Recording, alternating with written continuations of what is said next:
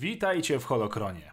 W tym odcinku przedstawię Wam 10 ciekawostek na temat mistrza Jody, który na przestrzeni swojego długiego życia brał udział w niezliczonych przygodach i stawiał czoła wyzwaniom, dzięki którym nabył wielu niezwykłych umiejętności. Materiał dotyczyć będzie zarówno kanonu, jak i legend. Zapraszam. Mistrz Joda posiadał kiedyś imię. Pierwszych szkicach koncepcyjnych na tę postać Lukas nazwał naszego bohatera imieniem Minch Joda. Imię to zostało jednak potem usunięte i przynależy teraz do innego bohatera, rycerza Jedi z tego samego gatunku co mistrz Joda, tyle że Minch służył w zakonie na 700 lat przed rokiem zerowym. Joda był wtedy już oczywiście członkiem zakonu, ale czy obaj panowie się spotkali, tego nie wiemy. I jeszcze jedno słowo w kwestii imienia mistrza Jody. W jeszcze wcześniejszych szkicach scenariusza George Lucas nadał mistrzowie imię Buffy. Dokładnie tak jak pewna łowczyni wampirów. Zmiana na Joda wyszła chyba wszystkim na dobre. W sanskrycie zaś, czyli starożytnym literackim języku Indii, słowo Joda oznacza wojownika. Gdy Joda umiera w powrocie Jedi, mówi się, że ma około 900 lat. To błąd, bo gdy Joda łączy się ostatecznie z mocą, ma dokładnie 900 lat. Urodził się w 896 roku przed bitwą o Jawin, a zmarł na 4 lata po tej bitwie. Nie wiadomo jednak, czy był to zabieg celowy i symboliczny, czy był to zwykły przypadek. Mimo długiego wieku, Joda wcale nie miał tak wielu padawanów, jak mogłoby się zdawać. Dobierał ich dość ostrożnie i poświęcał im się w pełni. Jego wszyscy uczniowie to Duku, Mace Windu, Sindralik, Ikrit, Kuran, Ramkota, Obi-Wan Kenobi, Kit Fisto, Kia Dimundi, Oppo Rancis, Luke Skywalker oraz ogromna rzesza młodzików Jedi, z którymi Yoda miał pod koniec życia najlepsze kontakty, widząc w umysłach młodzieży niezwykłą siłę oraz ich talent do innego, dziecięcego i czystego postrzegania aspektów mocy. Wiele razy to on sam uczył się spojrzenia na moc przez pryzmat dziecięcej perspektywy. Po swojej śmierci prowadził naukę jeszcze dwóm uczniom, Deninowi oraz Willi. Joda wybrał Dagoba nie bez powodu.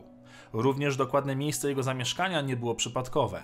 Joda osiedlił się w pobliżu jaskini ciemnej strony, która oprócz ogromnej liczby form życia, które maskowały jego obecność w żywej mocy, przeciwdziałała jego obecności po jasnej stronie. Ślad Jody w mocy został ukryty, podobnie jak jego sanktuarium przed złowrogimi agentami Imperatora. Co więcej, Dagoba była jedną z 37 planet wymazanych z archiwów Jedi, co dodatkowo zapewniło mu anonimowość. Co do jaskini zaś, Yoda również doznał tam wizji mocy w postaci Darth Sidiousa. Ponadto aktywnie trenował walkę mieczem świetlnym, aż do momentu, gdy jego ciało stało się na to zbyt stare.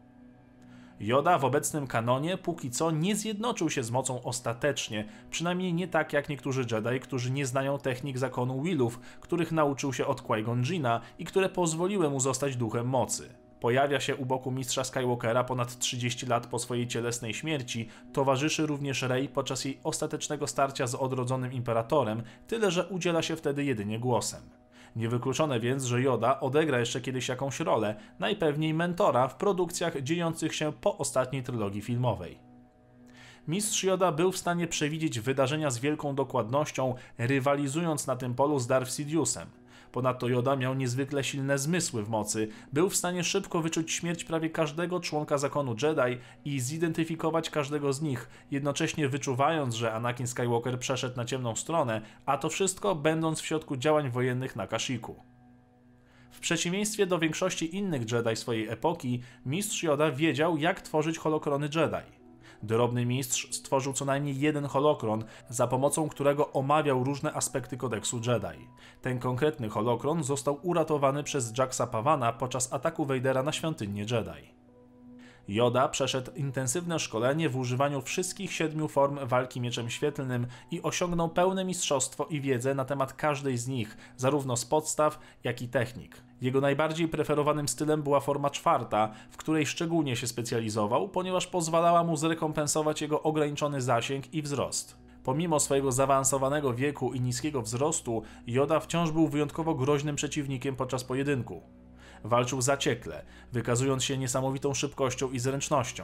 Znaczna część jego stylu walki mieczem świetlnym polegała na skokach i akrobatyce wzmocnionych przez jego mistrzostwo w mocy. Joda posiadał swój własny herb, czy też symbol. Wyglądał on tak. Symbol ten został umieszczony na drzwiach do jego kwatery w świątyni Jedi na Corsent.